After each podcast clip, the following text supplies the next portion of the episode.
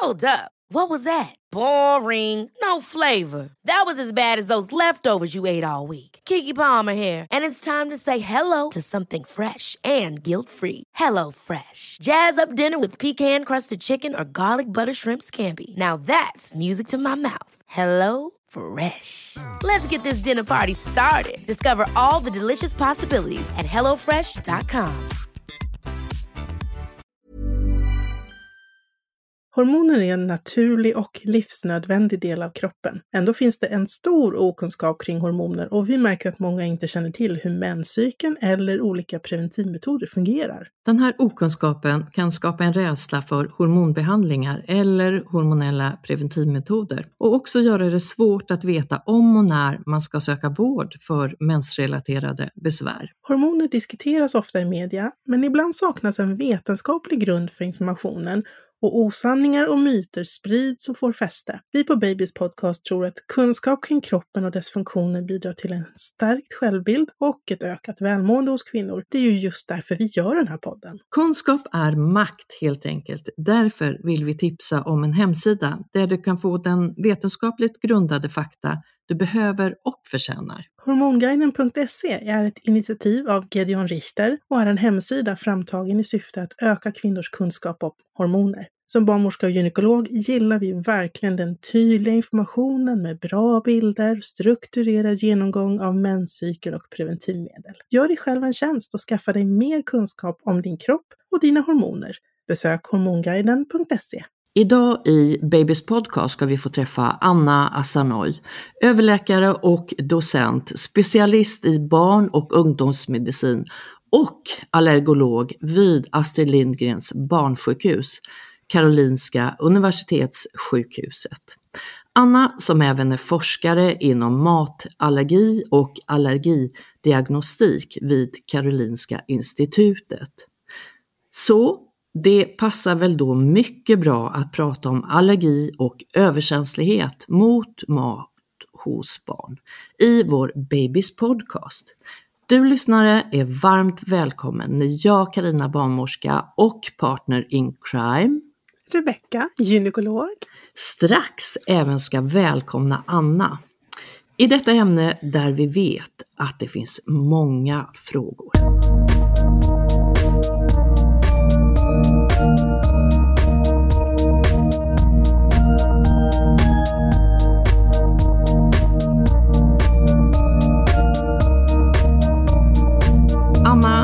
Varmt välkommen även du in i poddstudion. Tack så jättemycket. Jättekul att få komma hit.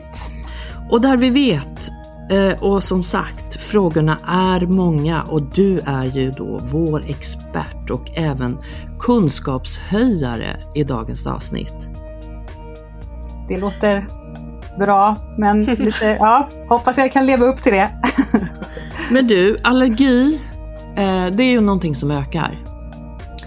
Eh, ja, i alla fall matallergi eh, ökar. Eh, sen om man, det beror på vilket tidsperspektiv man har. Alla allergier har ju ökat sen liksom, eh, ja, de senaste årtiondena. Eh, men, men det verkar som att eh, astma och, och eh, liksom annan form av allergi eh, har ändå ten, en tendens att plana ut. Men matallergier verkar öka. Och varför är ju den stora frågan då?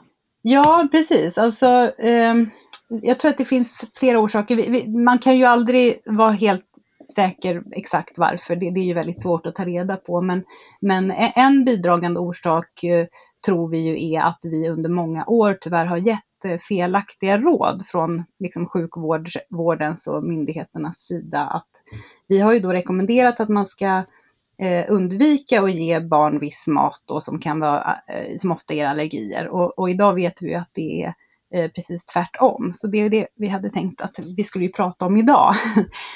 Men och sen också att föräldrar är väldigt observanta på sina barns, ja, men allting som rör barnen med liksom, observant på symptom, väldigt försiktig, man kanske undviker att ge sitt barn vissa saker för säkerhets skull och sådär. Och det, det är ju bra i många sammanhang, men just i det här sammanhanget vad gäller eh, att ge sitt barn olika slags mat så, så ska man inte eh, tänka för säkerhets skull och sånt utan utan eh, här ska man ju ge barnet all slags mat tidigt. Så, och, och allt det här försiktigheten och de här eh, felaktiga uppfattningarna som vi haft tror vi då kan ha bidragit till att matallergierna har ökat då, tyvärr.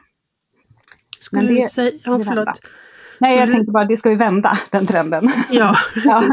Ja. Och det här med matintroduktion, eh, liksom, hur stor del har det i allergiutvecklingen om man jämför med andra saker som man ofta pratar om som miljöfaktorer eller att vi är lite överdrivet hygieniska och städar och, och, mm. och det med ärftlighet också. Liksom. Ja, nej men alltså ärftlighet eh, vet vi ju har, har jättestor betydelse. Vi tror också det här som du pratar om renlighet, det är ju det man brukar prata om hygienhypotesen som ju är Eh, Eh, det här med att det ska vara mycket eh, liksom bakterier, mycket infektioner, mycket syskon, mycket eh, förskolevistelse och sånt. Att, att sånt skyddar mot allergiutveckling. Det, det, den här tanken med att introducera mat tidigt, den motsäger ju inte det på något sätt, utan den är väl lite i samma linje kan man säga. Att man ska exponeras för saker och utsättas för saker för att, för att liksom, eh, bygga upp tolerans och, och, och, inte gå då fel väg åt allergihållet. Så att det, eh, men, men absolut att hygienhypotesen, den har vi inte förkastat på något sätt. Den, är, den, den tror vi på fortfarande. Eh, alltså hur, hur viktig är det här med matintroduktion tidigt och i rätt tid? Det går inte att säga exakt, men det som är lite unikt med det här med tidig introduktion och att vi känner oss säkra på att det är bra, det är att det är liksom ett av de få sakerna vi verkligen har kunnat studera med, eh, alltså det finns ju olika typer av studier man kan göra. Man kan, man kan studera genom att observera ett, ett, eh, liksom i en befolkning, olika riskfaktorer hit och dit. Man kan också göra en studie där man, där man gör ett experiment, alltså att man lottar så att hälften får en behandling och hälften får inte behandlingen. Och så ser man vad som funkade bäst. Och det har man faktiskt kunnat göra med det här med matintroduktion. Så att man har kunnat lotta då Eh, att få tidig matintroduktion och att inte få det. Och då ser man att det, är, det blir mycket bättre eh, tolerans då hos de som får tidig matintroduktion. Så att eh, i just det här fallet så har man faktiskt kommit så nära ett bevis man kan komma eh, forskningsmässigt. Så det, så det är jätteroligt och det är ganska unikt faktiskt. Mm. Så det, det, är därför vi, vi verkligen vill sprida det här eh, budskapet, att introducera mat tidigt. Mm. Anna, jag, jag, undrar om man backar tillbaka till graviditeten, eh, mm. kan man se något samband där vad man som gravid äter eller bör undvika under graviditeten, hur det skulle kunna påverka barnet eh, senare i livet? Mm. Det är ju en, en, precis, det är en jättevanlig fråga som jag får och det har ju förstås studerats också jättemycket. Eh, där har man inte kunnat visa på något eh, samband, eh, att eh, mammans kost under graviditeten påverkar allergiutvecklingen eh, hos barnet. Men, men därmed inte sagt att det inte finns några sådana samband, men det är inte något sånt man har kunnat visa vetenskapligt än så länge. Så att, eh, och, men det man eh, känner sig ganska säker på det är att man ska som gravid eh, eh, kvinna då ska man absolut inte undvika vissa, eh, vissa, viss mat för att på något vis försöka skydda barnet. Absolut inte. Utan om något i så fall eh, samma råd där, ät allt möjligt. Och sen har ju själva Sen finns det vissa kostrestriktioner som inte har med allergi att göra till gravida kvinnor och de ska man naturligtvis följa. Mm. Mm. Och hur är det med mammas kost när hon ammar? Har det någon påverkan på barnets eh, risk för ja, att utveckla alltså, allergi eller överkänslighet? Det, det, där, där är det också eh, ett ganska omdebatterat område och där finns det ju studier som visar att amning kan skydda mot allergiutveckling, alltså astma, tidig astma och sådär kan amning skydda mot. Och vi vet ju att bröstmjölken innehåller en massa eh, immunologiskt aktiva ämnen som, som liksom Ehm, kan ha till exempel en slemhinneskyddande effekt och sådär. Men, eh, men, men där är det också lite, lite liksom, eh, för det, det är också sådana här observationsstudier eh, mycket och, eh, och där har man ju, där är det inte liksom så entydiga resultat. Men, men återigen, eh, man ska inte som ammande kvinna undvika någonting eh, för att skydda barnet mot någon allergi, utan eh, om något tvärtom. Och, och rent teoretiskt så eh, vet vi ju att i bröstmjölken så presenteras det små, små, små bitar av de proteinerna som mamman äter. Och eh, eh, rent teoretiskt så borde det kunna stimulera toleransutveckling hos, hos barnet eftersom det då får äta den här bröstmjölken med de här små proteinbitarna. Och då borde det kunna ha en skyddande effekt. Men det är tyvärr inte visat heller i någon, i någon studie. Men det, budskapet blir ändå ät allt möjligt, undvik ingenting. Skulle jag säga. Anna, du pratade om, om allergi och överkänslighet. Vad, är det någon skillnad på de båda?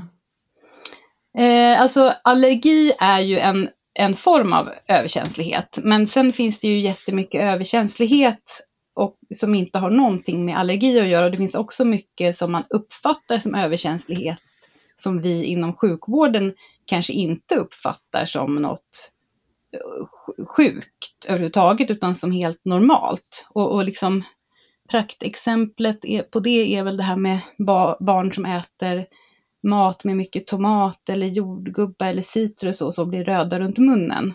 Det är ju liksom, eh, kan man säga då, kanske någon form av överkänslighet på huden. Men det har ju ingenting med, med eh, allergi att göra.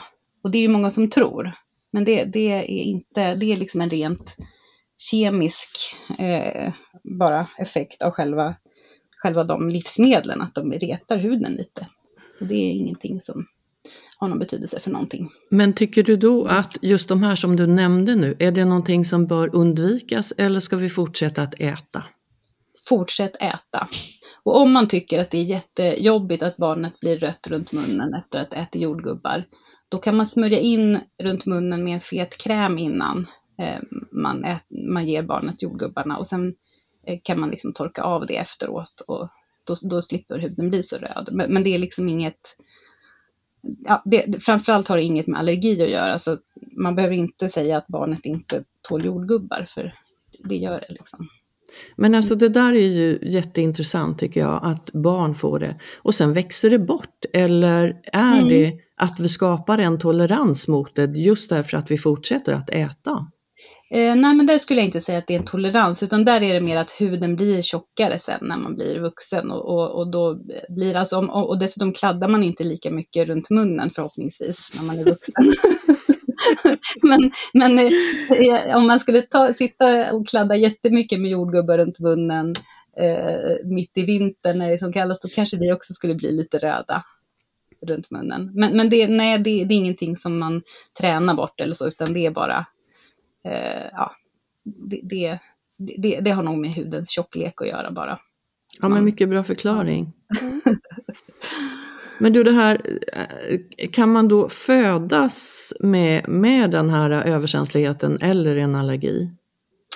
Eh, nej, det gör man inte, utan man utvecklas. och man föds ju, man, man får inte med sig allergiantikroppar från mamman till exempel, utan man bildar sina egna allergiantikroppar. Men, men det gör man ju tidigt. Vi har ju gjort en studie eh, på tre månaders bebisar och där såg vi att redan vid tre månader så är det ungefär 7% som har redan börjat bilda allergiantikroppar.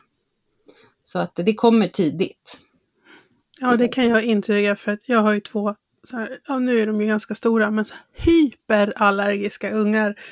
Eh, och de var tre månader när de mm. reagerade. Och då hade de ju bara fått bröstmjölk. Mm. Ja, men den tiden. Men Ja, och, och, det är ju väldigt intressant att det kommer så tidigt. Sen, sen vet vi att det här med att ge barn eh, mat tidigt och så, eh, då har vi ju sett att eh, eh, de här allergiantikropparna, de kommer ju innan det kommer själva allergin. Så att eh, eh, då har man fortfarande chansen, även om man har börjat få allergiantikroppar så har man fortfarande chansen att bli tolerant, verkar det som. Så det är därför vi tycker att det är så viktigt att man verkligen Eh, Eh, eh, äter allt möjligt och äter ofta och, och, inte tar allergitest som skrämmer upp en. Liksom. För ehm, eh, i den här studien då eh, så, så, var det så att där fick ju hälften fick ju eh, mat tidigt redan från tre månaders ålder. Jordnötter, mjölk, ägg och vete. Och eh, det, de fick ju inga reaktioner när de fick prova jordnöt trots att de hade allergiantikroppar. Så Mm. att eh, man ska inte liksom titta för mycket på testerna. I, I vårt fall var det så med en av killarna att han, han satt i sin lilla babystol och gungade medan jag eh, en och en halv meter bort penslade eh, kanelbullar med ägg för att baka bullar. Och när jag vänder mig om så är han liksom, ja, han är helt röd i hela kroppen och helt svullen. Så det var ju liksom en distans, det var en luftburen reaktion på ägg när han bara var tre månader. ja det, det låter... Jo men alltså vi har ju, vi har ju sett att just om man, om man, om man vispar ägg och sådär, då tror vi Mm. att det kan flyga upp i, i luften och ge reaktioner. Men, men om det kan vara till någon tröst då, så den typen av, av exponering har vi inte sett att den skulle liksom vara, vara farlig. Alltså den, eh, man kan få reaktioner men de blir liksom inte livshotande i alla Nej. fall. Han blev bara röd som en tomat. Ja.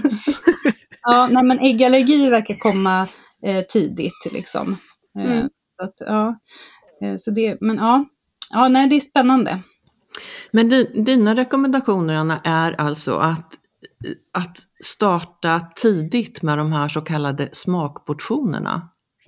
Alltså smakportionerna börjar man ju med när, när barnet är liksom redo för smakportioner. Och det är ju, rekommendationen är ju mellan fyra och sex månader. Så att se, men vid sex månader då, då rekommenderas ju att man, ska, att man ska börja introducera fast mat. Och det, det här skiljer sig ju inte eh, från det på något sätt. Eh, men men, så att, men de, många börjar ju ge lite eh, bara på fingertoppen, liksom att man får slicka på jordnötssmör då som vi rekommenderar och, och, och liksom kanske någon liten eh, scrambled egg-smula och, och alltså att man ger små, små smakgrejer när, när barnet tycker att det verkar spännande med mat. Så. Men, men det är ju inte, sen har vi ju en studie då börjat redan vid tre månaders ålder, men, men, men det är ju ingenting som vi liksom rekommenderar officiellt att man ska börja redan vid tre månader. Nej, det är det inte. Vi, vi, det, eh, det finns ingen anledning att ändra de här liksom, åldersrekommendationerna tycker jag, utan det handlar ju om Alltså man ska ju inte göra något som känns onaturligt, utan när, när barnet verkar vara intresserad och testa mat så, så gör man det. Liksom. Det, det. Skillnaden här är ju att då, då ska man, in, då ska man liksom inte börja, som vi har ju en tradition att först gör, kör man liksom potatis en vecka och sen kör man något annat en vecka. Vi tänker mer att ge bara allt möjligt och ge det ofta. Liksom. Så att barnet får chans att bygga upp sin tolerans. Ehm, Så, men, och sen får man ju göra det hur man vill rent praktiskt. Men, men man ska inte undvika att ge barn en viss mat för att man tror att det skyddar mot allergiutveckling. Tvärtom, det, liksom, man blir inte tolerant av att undvika saker utan man blir tolerant av att utsättas för någonting ofta genom munnen. Men det har ju varit en viss skola som har sagt liksom att amning, och det är ju många som vill helamma enbart upp till ett år och kanske ännu längre. Eh, därför att eh, teorin bakom det är att då får barn i sig antikroppar och så vidare som, som ger ett skydd eh, för att undvika, för att man sen ska undvika överkänslighet och allergier. Men det du säger det är, det är lite Mm. Ja, nej, alltså vi, vi, vår rekommendation, och, alltså, och det är även då eh, Livsmedelsverkets officiella rekommendation, det är ju att före ett års ålder så ska man ha introducerat all slags livsmedel, inklusive eh, jordnötter och nötter, i finfördelad form då, så att man inte sätter i halsen. Eh, absolut, före ett års ålder, det, det, det, är det, det är flera studier som har visat att, att det är eh, ur allergins, allergisynpunkt alltså fördelaktigt. Eh, så att, men alltså som förälder väljer man ju själv, men det här, det här är ju den officiella rekommendationen. Så om jag förstår det rätt, äh, tänk att man äh, är en familj där det är flera utav, äh, kanske någon förälder och ett par syskon som är allergiska mot något, vi kan säga ägg. Mm. Så ska man, får man en liten ny familjemedlem så ska Mm. den exponeras och inte skyddas. Absolut, jättebra att du förtydligar med den frågan. Nej, precis, och speciellt om man har allergi i familjen. Då vill man ju verkligen inte att den här lilla nya familjemedlemmen också ska bli allergisk. Och då är det extra viktigt att introducera ägg och all annan mat för det här barnet tidigt. Och, och för det barnet har ju då extra stor risk att bli allergisk. Mm. Så eh, nej, och, och, det, och, då, och jag förstår att man kan tycka då att det känns lite oroligt. Eh, men men det, det, det är säkert att göra det. Det är ju flera studier gjorda nu och det är liksom inga problem med säkerheten kring det, att, att barnen får allergiska reaktioner och sådär. Utan ehm, eh, det, det, går bra att göra det. Sen får man ju såklart se till att, man, att den som är allergisk inte får i sig ägg i munnen. Det är ju i munnen om man är allergisk, då ska man inte ha det man är allergisk mot. Man ska inte få i sig det. Däremot så är det inte farligt att få det på huden. Man kan få absolut prickar och utslag på huden om man, om man råkar få det där, men, men det, det blir liksom inga farliga reaktioner för en allergisk person då. Mm. Så att, ja, och det kanske är så att, säg att äh, mamman är allergisk, då kanske pappan får sköta det här med att ge, ge ägg. om, om det, alltså, man kan, brukar kunna lösa det på något sätt. Mm. Eh, jag tänker, om man nu utvecklar en allergi, är det skillnad liksom, i vilken ålder det brukar dyka upp beroende på vilket, liksom, vilket födoämne vi pratar om? Som mjölkprotein eller ägg eller fisk eller nötter. Mm. Ser man någon typisk debutålder? Liksom? Eh, det, det, är också en otroligt bra fråga och det, det, vi tror att det är skillnader, men där har inte forskningen eh, liksom, det, återstår att ta reda på. Det, har, vi inte, det, har vi inte svar på än. Mm. Utan det får man fortsätta. Fortsättning följer. Ja, fortsättning följer. det, det, här är ju liksom, även om det här eh, har funnits nu i, i eh, alltså 2015 eh, kom den här mest revolutionerande studien där man då lottade eh, högriskbarn att antingen få jordnötter eller inte få jordnötter. Eh, och så såg man då att de som fick jordnötter eh, klarade sig utan jordnötsallergi och de som eh, skulle undvika jordnötter de fick eh, mycket jordnötsallergi då. och, och, så att, och 2015, det är några år sedan, men det är inte jättemånga år sedan. Och det tar ju tid att göra sådana här studier så att det, ja, vi, vi, forskar på och ser vad vi kommer fram till ytterligare. Men det där är en jättebra eh, fråga, att det säkert skiljer sig mellan olika slags eh, mat när mm. allergin kommer. Det, det, tror jag mm. också att det gör. Mm. Mycket viktig forskning, Anna. Mm. Ja, verkligen. Men du, du, du pratade om den här tidiga exponeringen då för jordnötter. Är det någonting annat som du tycker att eh, vi borde erbjuda barn tidigt? Alltså de, de tydligaste forskningsresultaten är ju för jordnötter och ägg. Eh, men vi tror att det här gäller ju för all slags mat. Och det finns andra studier som visar att ju mer varierad kost ett barn får tidigt, desto mindre matallergier utvecklar det barnet.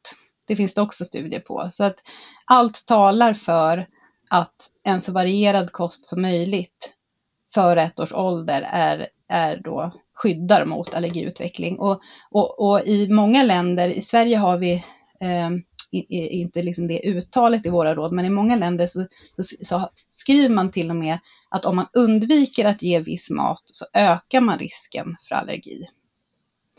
Eh, det, det, har inte vi skrivit i våra officiella råd, men, men det eh, tror jag är, är sant. Eller det, allt talar för att det är sant. Att, att om man undviker, att undvikande ökar risken. Men är det ofta så att man har en överkänslighet i början? Du pratade förut om om det handlar om runt munnen och, och huden och så vidare. Men, men, finns det annat som gör att, eh, eh, att det bara försvinner av sig självt? Eh, hur menar du? Alltså Nej, att alltså- matallergi alltså, försvinner av sig självt? Ja, Eller? precis. Ja. Eh, ja, alltså eh, som tur är, alltså mjölk och äggallergi som är det vanligaste under småbarnsåren eh, brukar ju växa bort eh, av sig självt. Eller av sig självt, vi vet inte exakt varför mjölk och äggallergi växer bort medan jordnötsallergi inte växer bort. Eh, men troligtvis har det någonting med exponeringen att göra. Att mjölk och ägg är så vanligt förekommande så det blir man exponerad för. Och på så sätt kan, kan ändå växa ur det. Men, men där vet vi inte heller. Jag skulle gärna veta exakt varför, exakt varför mjölk och äggallergi växer bort för det mesta, men inte eh, jordnötsallergi. Och vilken, vilken ålder? Finns det någon specifik ålder man kan se att det, Ja, det här... alltså vi, vi brukar ju säga att, att eh, under förskoleåren, eh, men, men det brukar, alltså mjölkallergi brukar växa bort först, eh, Eh, kanske redan vid ett och ett halvt, två, två och ett halvt år och sen äggallergi något senare, kanske kring ja, två, års, två tre års åldern. Men, men före skolstart så, så har 80 procent eh, eh, växt ifrån sin allergi. Men du, då, då, är det ju så här att, att de barnen där man har sett då haft en överkänslighet eh, eh eller allergi, de, de barnen eh, Eh, får ju inte, man, man ger ju inte dem varken mjölk eller ägg under den här perioden. Nej, precis. Så att om man har en konstaterad eh, allergi med, med, tydliga symptom, eh, då, då, ska man ju undvika att, att ä, ge barnet det, eh, den maten. Eh, så är det ju absolut. Och, och, och då vad gäller mjölkallergi som är det vanligaste, där är ju ungefär hälften av mjölkallergi hos små barn är ju IgE-medierad och hälften är icke IgE-medierad. Nu är det lite termer här, men, men i, i hälften av fallen ser man sådana här allergiantikroppar och i andra hälften så ser man inte det, utan då är det andra immunologiska mekanismer. Och den här varianten som, som inte har allergiantikroppar, den, den växer alltid bort den är, det är väldigt bra prognos. Och där är det ju, det är de här klassiska med, med magsymptom. Så det kan vara kräkningar, det kan vara diarréer, det kan vara blod i avföringen, det kan vara refluxsymptom, det kan vara kolikbesvär liknande. Eh, och det är väldigt bra prognos på det. Och där brukar vi ju säga att man, man, man kan testa och ge lite mjölk någon gång i halvåret och se om det har vuxit bort. Och där behöver man inte oroa sig för några allvarliga reaktioner. Eh, det, det, blir liksom de här anafylaxi, den typen av alltså allergisk chock som man ibland kallar det, det, det, det inträffar ju aldrig. Eh, där måste man ha allergiantikroppar för att en sån reaktion ska kunna uppkomma. Så att det, det är den eh, hälften och den andra hälften då IgE-medierad mjölk eller komjölksproteinallergi, den eh, växer också bort för det mesta. Eh, men där beror det ju lite på hur man reagerade från början, eh, liksom hur man ska eh, om man behöver göra en provokation, om det har varit lite mer uttalade symptom, men om det bara har varit lite, eh, liksom, lite prickar eller någonting, då kan man testa hemma. Och, och, och, då följer man det med de här allergiantikropparna, när man ser att de har sjunkit ordentligt så, så tror man att man har växt ur det. Eh, så att eh, ja, det är olika beroende på vilken typ av allergi det är, så är förloppet lite olika då. Men hur testar man de här barnen? Är det blodprover? Eh, ja, alltså de barn som har symptom som har kommit inom två timmar, alltså om man äter eh, mjölk och så, så eh, blir man eh, röd och prickig efter, in, inom två timmar eller, eller kräks eller ja, får något symptom som kommer inom två timmars eh, spannet, då ska man ta ett allergitest eh, för mjölk. Eh, om det då är positivt, då har man bekräftat en IgE-medierad komjölksproteinallergi. Ehm, men, men om det är mer diffusa, de här som jag pratade om, mag-tarmsymptomen med kanske blod i avföringen och där, de brukar ju inte ha något sånt tidssamband att, att det är inom två timmar. Och då behöver man inte hålla på med allergitester. Och, och de här eh, allergitesterna kan man ju ta antingen då med blodprov eller med pricktest. Det är helt valfritt. Alltså man följer ju upp de här barnen såklart. Ja. Mm. Och man får ju rekommendationer som förälder vad, vad och hur man bör testa de här produkterna också. Då, så. Verkligen, och, mm. och man ska inte hålla på och jag tycker att om man misstänker att barnet reagerar mot något i maten så ska man inte som förälder mixtra själv och plocka bort saker och så, utan man ska ta råd då från eh, sin eh, barnavårdscentralsköterska eller från sin husläkare eller om man går på någon barnläkarmottagning. Så man ska liksom inte alltså som det här som jag säger att utesluta för säkerhets skull, det ska man inte göra själv utan, utan man ska liksom ta, ta hjälp och, och få, få råd kring det. Det är viktigt. Selling a little or a lot? Shopify helps you do your thing however you cha-ching. Shopify is the global commerce platform that helps you sell at every stage of your business. From the launch your online shop stage to the first real life store stage, all the way to the did we just hit a million orders stage. Shopify is there to help you grow. Shopify helps you turn browsers into buyers with the internet's best converting checkout. 36% better on average compared to other leading commerce platforms because businesses that grow grow with Shopify. Get a $1 per month trial period at Shopify.com slash work. Shopify.com slash work. Cool fact a crocodile can't stick out its tongue. Also, you can get health insurance for a month or just under a year in some states. United Healthcare short term insurance plans, underwritten by Golden Rule Insurance Company, offer flexible, budget friendly coverage for you. Learn more at uh1.com. Jag undrar det här med när vi är inne på komjölksprodukter. Eh, ett tag så hörde man att barn inte ska äta överhuvudtaget, det är inte vuxna heller för den delen, att man ska försöka att eh, undvika komjölksprodukter. Vad säger du Anna om det? Eh, nej, det, det, är jag helt eh, emot. Det, det, det, håller jag inte med om. Alltså, det, alltså, mjölkprotein är ju ett jättebra protein eh, Eh, för, för kroppen och för ett växande barn och, och sådär. Eh, sen om man som vuxen väljer att inte äta eh, mjölkprodukter, det är väl upp till var och en. Men, men för ett växande barn så är, eh, är mjölk jättebra. Det enda som vi säger är att vi, man ska inte erbjuda mjölk som måltidsdryck eh, för att eh, till, till små barn, alltså till små barn. Till äldre barn går det jättebra, men till små barn för då kan det bli eh, att man blir lite för mätt på mjölken och får då i sig lite för lite järn. För mjölk innehåller inte järn nämligen. Och det gör inte bröstmjölk heller. Så att man, det, det blir ju en, en, eh, en, kring sex månader någonting, då, då behöver barnet det är därför man rekommenderar, det är delvis därför man också rekommenderar att man, man ska ge barn fast mat från sex månader, för då behöver man fylla på järnförråden. Eh, och det, det, får man inte via bröstmjölk. Och inte heller då via vanlig mjölk heller. Så, så järn är en liten nyckel där. Att det behöver man få i sig. Och vad dricker man istället då?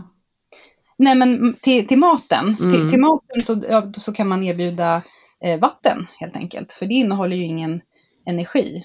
Utan det, då får man vätske, sitt vätskebehov så att säga. Och sen så, eh, men, men man kan också erbjuda eh, amning som som eh, liksom måltidsdrycken, om man ska säga.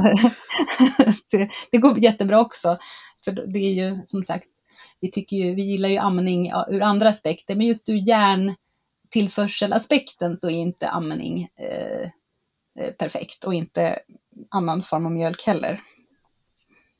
Eh, men ur, och ur allergisynpunkt, eh, absolut, vi vi, eh, eh ingenting med att man skulle undvika mjölk, nej, nej, inget sånt.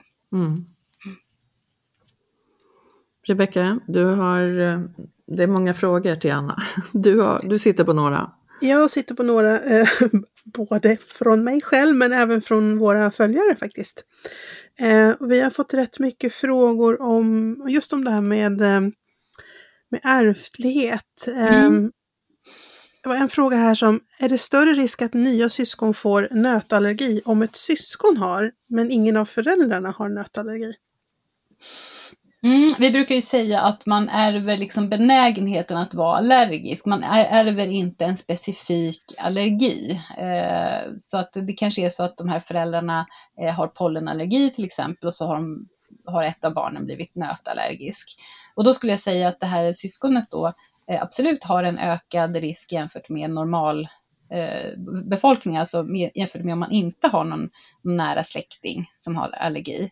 Så då är det ju extra viktigt att just det barnet då får, eh, får eh, nöt, introduceras för nötter tidigt och, och, regelbundet. Det har vi inte pratat så mycket om, att vi, vi tror att mängden kanske inte är det viktigaste utan det är tidpunkten och frekvensen som är det viktiga. Så att man ger eh, till exempel jordnötssmör då, att man ger det tidigt och ofta. Så gärna mm. minst tre gånger i veckan. Mm. Tror vi att man behöver ge för att vara säker på att det bildas en tolerans. Och egentligen ju oftare desto bättre. tänker. Som med all eh, nötning, höll jag på att säga. Ja, Ja, ja. Man ska Så nöta lite på sitt immunförsvar. det är egentligen ing- inget av det här är egentligen något konstigt. Utan det är ju Mm. liksom, eh, hur ska man, hur, hur var, jag först, liksom nu så här i retrospekt så kan man ju tycka att det var lite konstigt att man trodde att man skulle bli tolerant mot något genom att undvika det. Det, det låter ju helt ologiskt och det är också helt ologiskt. Utan tolerant blir man ju genom att äta eh, maten i fråga. Mm. Mm. Men om jag förstår det rätt, då ärver man själva tendensen att bli eh, att utveckla en allergi. Så då, då kan man inte säga att det är något visst födoämne som har mer tendens att vara liksom ärftligt om man säger så. Nej, nej, det skulle jag inte säga. Nej. Nej, inte vad man har visat i alla fall. Utan fick- tvärtom då är det extra viktigt att skydda det barnet så att säga. Mm. Mm. Sen fick vi en fråga också om det var skillnad på ärftlighet för, för matallergi. Eh, om det var syskon som, alltså en syskon som är allergiska eller om det var ens föräldrar som var allergiska. Vad som liksom vägde tyngst här. Ja, och, så man brukar ju mest titta på, på föräldrarnas allergi i studier och så. Mm. Eh, Men jag skulle säga att ett, om ett syskon är allergiskt är det också en, en ganska tung faktor. Men jag kan inte säga vilken av dem som väger tyngst. Det kan jag inte säga. Det kan jag inte svara på. Nej, det var en ganska svår eh, fråga. Ja. ja, ja. Sen har vi fått en fråga om eh, oral immunterapi. Mm. Och, och vad det är och hur det funkar och vilka födoämnen och så vidare man kan använda det på. Ja, jättespännande. Det håller ju vi på och, och jag och mina eh, forskarkompisar, vi håller ju på att studera det nu med oral immunterapi. Eh, så att där, där eh, och, och det är ju jättespännande. Och det, tanken med det är ju då alltså att man ska kunna bota eller, eller mildra eh, eh, matallergi med hjälp av då immunterapi. Och det, och det betyder, oral immunterapi, det innebär i praktiken att man eh, äter varje dag då en, först en pytte, pytte, pytteliten mängd av det här ämnet man inte tål och sen trappar man långsamt upp dosen till en underhållsdos och sen äter man den kanske i flera år och sen hoppas man då att man har eh, lindrat eller i bästa fall botat allergin. Och det här har ju hållit på nu de senaste åren, har ju forskningen inom det ökat jättemycket. Och vi försöker liksom hitta då en variant som, som är både säker och effektiv. Det är liksom, eh, vi vill inte ha några farliga biverkningar med, med liksom att man plötsligt får en, en sån här anafylaxi, alltså en allergisk Eh, chock då, som det, det, det, vi kallar det inte allergisk chock, men jag vet att i folkmun så kallas det ofta det. Men eh, det, det, så att det måste vara säkert, men samtidigt att man uppnår resultat, att man, att man blir mer tolerant då. Så att, och det är olika faktorer som verkar ha betydelse där. Och där, det, får vi åter, det är forskning som verkligen pågår nu för fullt. Eh, och vi har en, en studie som vi driver med, med oral immunterapi mot jordnötsallergi Mm. eh, hos små barn då som vi håller på med. Men där får vi återkomma när vi har resultaten. Men vi, vi, vi tror och hoppas att eh, det här är en väg att gå framåt. Då Mm. finns det ju anledning att återkomma då när Mm. studien Ja, är klar vi- och publicerad. Precis, vi kan liksom inte eh, gissa vad vi ska få för resultat Nej. utan vi får, vi får avvakta. Mm. Eh, sen fick vi en, eh, en, som jag tyckte, svår fråga. Eh, något som jag inte har, känner igen sedan tidigare. Hur vanligt är det med Food Protein Induced Enterocolitis Syndrome? Och Mm. har det visat sig påverka eller ge bekymmer i framtiden? Mm, jätte, jättebra fråga. Eh, eh, nej, det här eh, F-PICE då som vi kallar det, alltså det, det, orden du läste där blir tillsammans förkortningen F-PICE. Mm. Eh, och eh, det, det, precis, det är en, en, ett tillstånd som har fått allt mer uppmärksamhet senaste åren och det, det, tillhör då gruppen icke-IG-medierad allergi. Eh, alltså, Eh, och den, det kommer också tidigt, kommer ungefär när man introduceras för, för mat och det är ofta, mjölk är också här vanligast utlösande eh, ämne. Eh, och det, det som är lite speciellt då, det är att som jag sa förut, i den här icke-IG-medierade allergigruppen, där kommer symptomen inte inom två timmar, utan de här symptomen kommer då eh, efter ungefär två timmar, mellan två och ja, två, tre, fyra, kanske max fem timmar efter intaget så börjar barnet kräkas väldigt eh, kraftigt, kraftiga kräkningar och det kan också bli allmänpåverkat. Så att man, barnet ser väldigt sjukt ut. Så ofta så, så söker eh, föräldrarna på akuten. Eh, och, eh, men, och, och, sen så efter några timmar så klingar det här av och barnet blir helt återställt och allt är frid och fröjd igen. Mm. men det är väldigt dramatiskt och det är väldigt obehagligt ofta. Eh, väldigt bra prognos, växer bort, speciellt om det är mjölk som är utlösande eh, ämne. Och eh, det, kan, det kan också utlösas av annat. Och av någon anledning, om det är fisk som man får de här symptomen av, då är det lite, då är det lite eh, de verkar stanna kvar lite längre, alltså inte växa ur lika lätt som, som mot mjölk. Och det vet vi inte heller riktigt varför. Det är inte så vanligt det här. Det är eh, ja, kring en halv procent uppskattningsvis som drabbas av det här. Men bra prognos. Mm. Och, och är inte så farligt som det verkar, men blir barnet allmänpåverkat och kräks mycket så ska man absolut söka akut för att det, kan, det finns också andra tillstånd eh, som, som kan ge sådana symptom som, är, som kan vara jätteallvarliga. Alltså det kan ju vara eh, liksom blodförgiftning, det kan vara tarm, alltså stopp i tarmen och sånt där. Så att man ska, man ska söka akut om man har ett allmänpåverkat barn. Det ska man göra. Mm. Eh, och sen om man då eh, kommer till sjukhus, då, då, kan man också behandla med vätska och sån antikräkmedicin. Eh, och ibland kan man ge lite kortison också för att liksom, lindra symptomen. Men, men det, det, är, det är inte, vi har inte sett några, eh, liksom, vi har, vi har, inte sett några dödsfall till exempel i det här tillståndet. Så att det är ju, man behöver inte vara så orolig, man hinner eh, söka hjälp så att säga. Mm. mm. Men du, Anna, finns det någon allergi eller överkänslighet som inte växer bort, som man får leva med? Ja, alltså eh, jordnöts och trädnöts, alltså jag, vi skiljer ju på jord, för jordnötter är, är ju inte nöt, det är ju en baljväxt, precis som soja och, och ärtor och linser och sådär. Men, men jordnöts och trädnötsallergi eh, växer i princip inte bort. Det, det kan de allra, allra första eh, tiden, eh, som vi varit inne på, så, så, så, ser man enstaka barn som, som först får någon liten prick av jordnötter och sen sen blir man tolerant ändå. Eh, men, men annars, har man ordentliga symptom med ordentligt förhöjt sån här IgE, då, då, då, är den kvarstående, så den växer inte bort av sig själv. Och med trädnöt menar du hasselnöt och valnöt? Ja, hasselnöt, och... ja cashew, valnöt, eh, eh, pistage och ja, de här vanliga nötterna, alltså nötter som växer på träd. Mm. Mm. Ja, nej, det har vi märkt att det inte växer bort. Nej. 48 år senare och jag väntar fortfarande på det. Ja, ja det är lite tråkigt. Det, det, man kan trösta sig med är att en del hasselnötsallergiker har egentligen, eh, om man, det finns tester man kan ta nu, så en del hasselnötsallergiker är egentligen björkpollenallergiska eh, bara och har liksom en ofarlig form av hasselnötsallergi som i och för sig kan vara nog så besvärlig att det kliar i munnen och så, mm. men Mm. Men, men, men, som ändå inte kan leda till några allvarliga reaktioner. Och det, det kan man ta test för faktiskt. Eh, mm.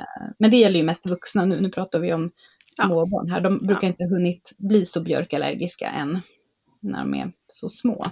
Utan det, brukar, det kommer ju allt eftersom. Mm. Det brukar mm. växa bort, Rebecka, på den dagen man fyller 50. Ja, eller hur? Mm. Åh, då ska jag käka valnötter och hasselnötter. Mm. Bra va? Ja, jag blir så glad. Jag all... Nu längtar jag efter att fylla 50. Mm. 50-årsdagen. Ja, på festen liksom. Jag kanske ska ha någon, kanske ska ha någon akutläkare med på festen ifall att ni har fel. Du, jag tycker ja. du ska gå och ta, och ta ett test och se vilken, vilken typ av, om, speciellt om du är pollenallergisk också, så kan det vara värt att reda ut vad som är vad där. Ja. Ja, ja, det kan jag säga. Jag är ju extremt pollenallergisk så det låter ja. ju som att jag Ja, men kolla det då. För då kanske du inte mm. behöver vara så orolig om det inte är den här äkta. Man kan ju ha både och, men man kan också ha bara den snälla varianten. Mm. Mm. Ja, nej, skämt åsido. Det är synd om alla som som går omkring med allergier och, och överkänsligheter. Och, ja men det är det och, och mm. vi har ju sett i studier att eh, livskvalitet, alltså att, att ha en, en allvarlig matallergi, det är otroligt eh, dåligt för livskvaliteten. Eh, det, man, man, har ju sett att eh, en, en svår jordnötsallergi kan ge, ge till och med sämre livskvalitet än, än om man har diabetes. Eh, så det, det, det är liksom en ständig oro för att det ska, man ska råka få i sig det här som man inte tål och som faktiskt kan ge en, en livsfarlig reaktion. Så mm. att det, det är liksom en, en konstant förhöjd ångestnivå som många går omkring med. Mm. Plus att man ju undviker saker. Man undviker ja. fester, man undviker att resa eh, för att man känner att nej, men om jag åker till ett land där jag inte pratar språket så bra, hur ska jag kunna förklara ja, eh, precis. min allergi? Liksom. Ja. Mm. Så det är därför vi verkligen vill, vi vill inte, de, de som är barn nu, vi vill ju verkligen göra allt för att så få som möjligt ska, ska hamna med, med kroniska allergier. Mm. Men just mm. den här jordnötsallergin, den måste ju vara den värsta då, som du säger. Det är ju därför vi har plockat bort det från, från flyg och eh, ja, mm, jag, had, jag har en arbetskamrat faktiskt som eh, ja, men blev allvarligt sjuk på jobbet och det var väl bra det. Hon har ju i och för sig alltid med sig en sån här adrenalinpenna då, men det räckte faktiskt inte utan hela det här intensivvårdsteamet fick komma när vi på avdelningen säger och skriver att man inte får ha produkter eller mat då som innehåller mm. jordnöt och eh, det, det, finns ju många sådana här som man inte tänker på. Det står liksom något eh, litet finstilt någonstans i, i eh, matlådor och hon reagerar så illa så att eh, ja, hon blev inlagd mm. och fick ligga på intensiven. Nej men verkligen och det, det, är så viktigt också att man skiljer på det. För det är precis som du säger att om man, om man, om man är väldigt allergisk och får i, då kan det räcka med att få i sig en väldigt liten mängd, eh, till exempel jordnöt då, för att få en, en riktigt allvarlig reaktion. Eh, däremot eh, så är det inte farligt att eh, eh, vistas i samma rum som jordnöt eller att få jordnöt på huden eh, och så. Eh, men, men, att få det i sig, där, där, kan det räcka med en väldigt liten mängd för de mest allergiska. Sen ska, kan man trösta sig med att de flesta jordnötsallergiker, även om man har en konstaterad jordnötsallergi, så är, det ju inte, så är det ju inte så många som har den här värsta varianten, utan de flesta tål ju någon liten osynlig smula jordnöt. Det, det tål ju även de flesta jordnötsallergiker, men det finns enstaka allergiker som, har, som är väldigt känsliga eh, mot, även mot små mängder och det, det måste man ju verkligen ha respekt för. Eh, men, men det här med, med det, det, kan vi passa på att bara prata om det, att det här med luftburen jordnötsallergi, det har man ju sett, gjort studier på också nyligen och sett att som tur är då så kan man inte få några allvarliga reaktioner genom att enbart eh, exponeras via luften, utan man måste få i sig för att det ska bli farligt. Så det är i alla fall bra. Det låter jättebra. Det mm. blir ju eh, en trygghet när man har trott ja. att, att eh, det räcker att det kommer in på avdelningen eller flyget eller vad det kan handla om, restaurangen. Mm. Nej, men och så är det ju inte. Men, och det, jag tror att det, anledningen till att det har kommit sådana föreställningar, det är ju för att jordnöt luktar ju väldigt eh, intensivt. Eh, så att eh, om, om man då har en, en, en kraftig jordnötsallergi och så känner man lukten av jordnöt, då, då blir man ju helt adekvat, blir man ju då väldigt, väldigt rädd. Mm. För att det blir en, den lukten blir ju, blir ju väldigt liksom ångestframkallande. Ja men såklart, den är ju förknippad med ja. allergitillstånd. Precis, jag hörde det var någon allergiker som hade sagt att om man känner lukten av jordnöt eller ser en skål med jordnötter, det är ungefär som att, att, man skulle, att det skulle sitta en kobra mitt på mm. bordet, mm. beredd att hugga attackera. till. Ja, attackera. Mm. Att det, liksom, det, framkallar ett sånt djupt obehag. Mm. Eh, men då kan det vara skönt att veta att, eh, att bara jag inte får det i mig så behöver jag faktiskt inte vara orolig för att något allvarligt ska hända det brukar jag försöka förmedla till mina patienter med, med jordnötsallergi. Men Anna, det finns en annan eh, oro kring apelsiner och citrusfrukter. Mm, eh, gör, ja, precis. Jo, det, det, det, vad specifikt tänker du på? För det är olika, olika saker där som folk oroar sig för? Uh, jag tänker inte på något specifikt uh, för att jag känner dåligt till det. Jag vet bara att uh, man uttrycker det som att jag har en överkänslighet eller om det nu kan vara en allergi mot citrus. Mm. hur farligt är det? Nej men så här, det, det, det, det, förekommer olika saker. Dels är det det här att om man äter en citrusfrukt och får eh, liksom får det på huden runt munnen så blir man väldigt röd. Alltså precis i, i analogi med det här med, med tomater och jordgubbar så är det liksom en kemisk eh, liksom retning som, som gör att man, att man reagerar. Och det är helt ofarligt, det är ingenting med allergi att göra.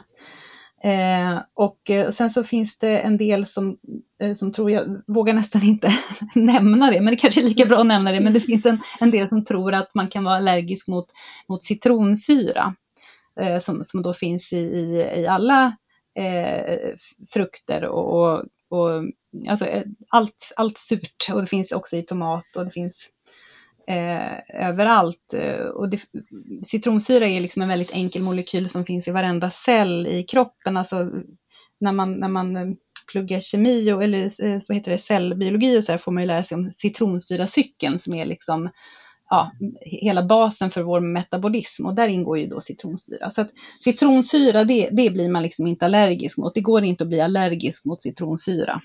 Det, det, det går inte helt enkelt.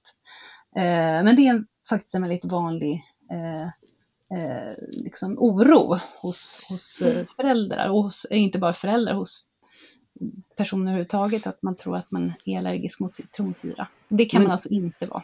Fantastiskt, vi har slagit hål på den myten. Anna. Ja, det enda med citroner som, som liksom är någonting som vi fäster någon uppmärksamhet i, det är citronkärnor som man ju inte äter. Men citronkärnor, de, de innehåller samma typ av proteiner som, som eh, nötter gör, alltså sådana här lagringsproteiner som man då kan bli allergisk mot. Så att det, det, det förekommer liksom enstaka fall då där det har varit någon typ en, en, en smoothie eller någonting där, en, där man liksom har langat ner en hel citron med kärnor och allt. Och då, och då har man liksom exponerats för de här lagringsproteinerna och så kanske man har en cashewnötsallergi. Och då, då kan man reagera på citronkärnor, alltså innehållet i citronkärnor.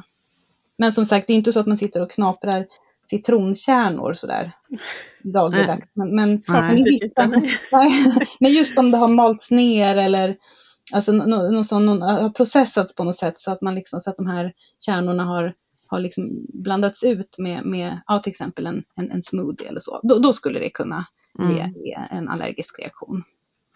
Ja men vad bra, då kan mm. vi bära med oss apelsiner och citroner och, och grapefrukt och allt vad det nu är. Absolut. In eh, till personer som säger sig ha en överkänslighet. Då reagerar de i vart fall inte på att jag äter.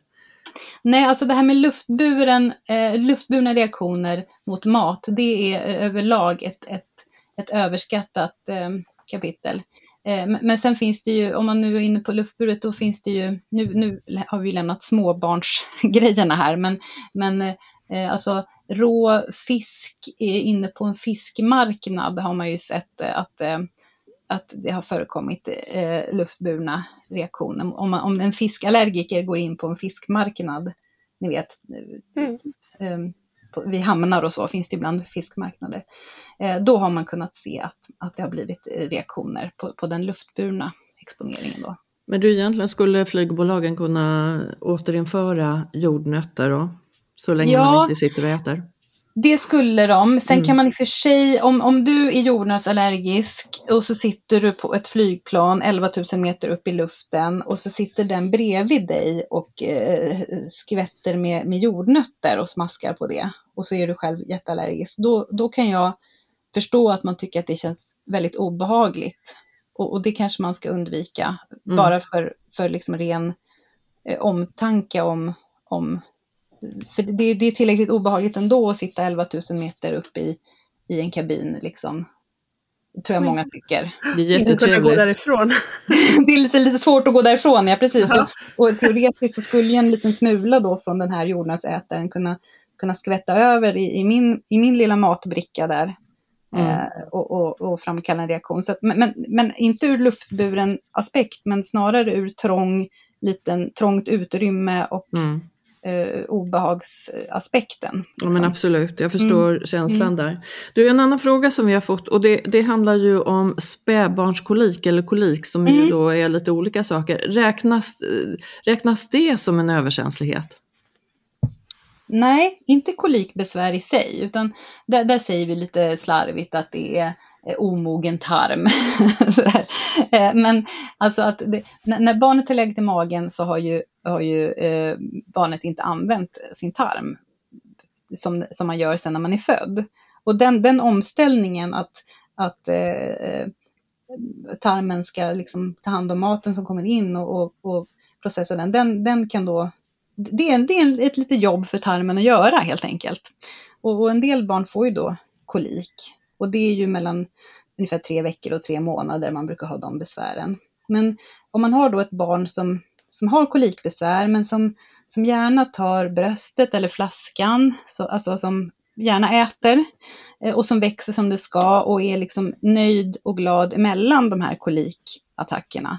Då eh, ska man inte gå vidare med någon utredning överhuvudtaget eller fundera på eh, mjölk och så. Utan det är om man har, om det är någonting som liksom inte känns rimligt, alltså att barnet inte mår bra, att, att det ser ämligt ut, att det inte växer som det ska, att det blir eh, ja, en massa blod i avföringen och att det liksom går utanför normala kolikbesvär, man ska säga.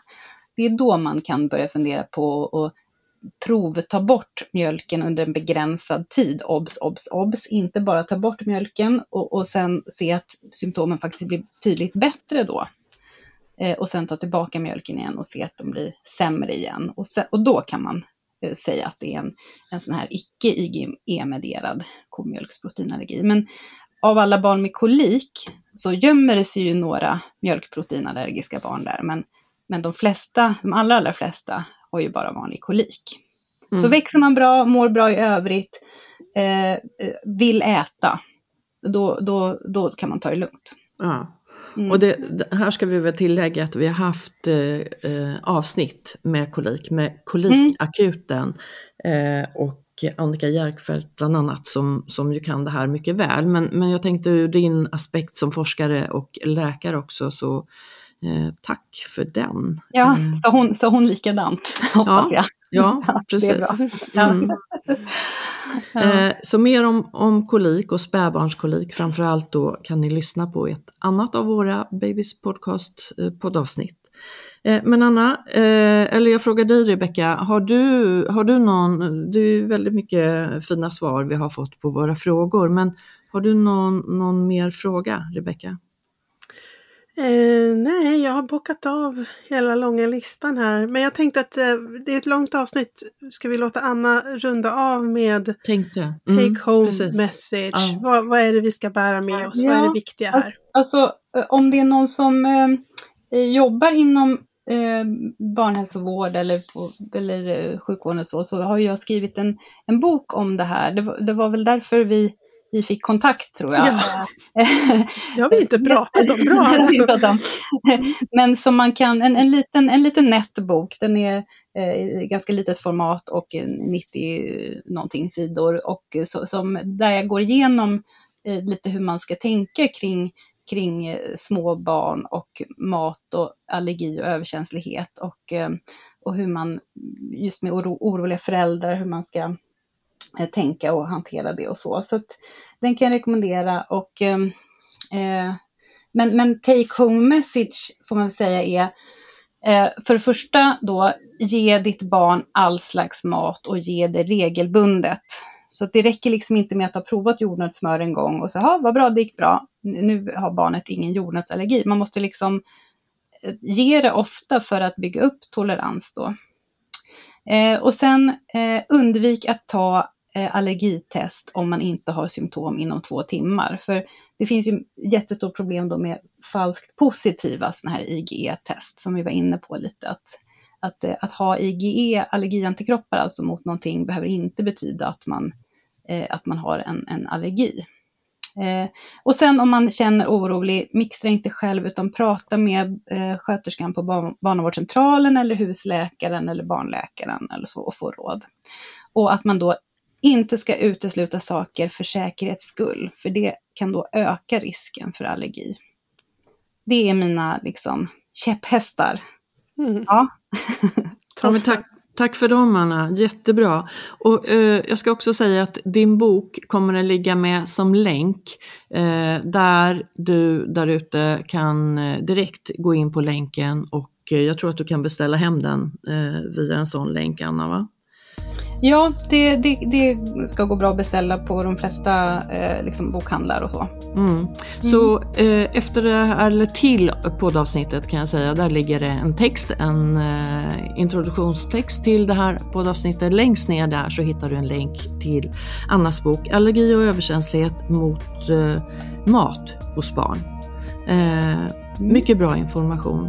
Anna, stort tack för all din eh, värdefulla information idag.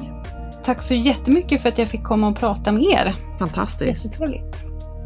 Eh, och ni där ute, ni vet ju var vi finns och att vi har väldigt massa andra poddavsnitt som ni kan lyssna till. Men vi är snart tillbaka, Rebecca och jag, så eh, stay tuned. Vi hörs snart. Tack och hej!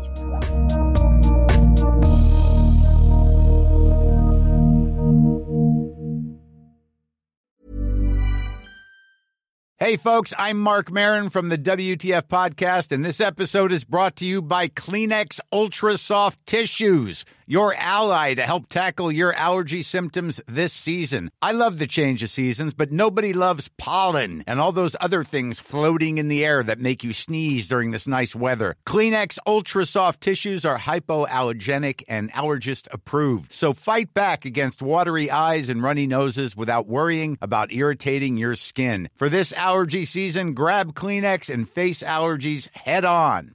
Even when we're on a budget, we still deserve nice things.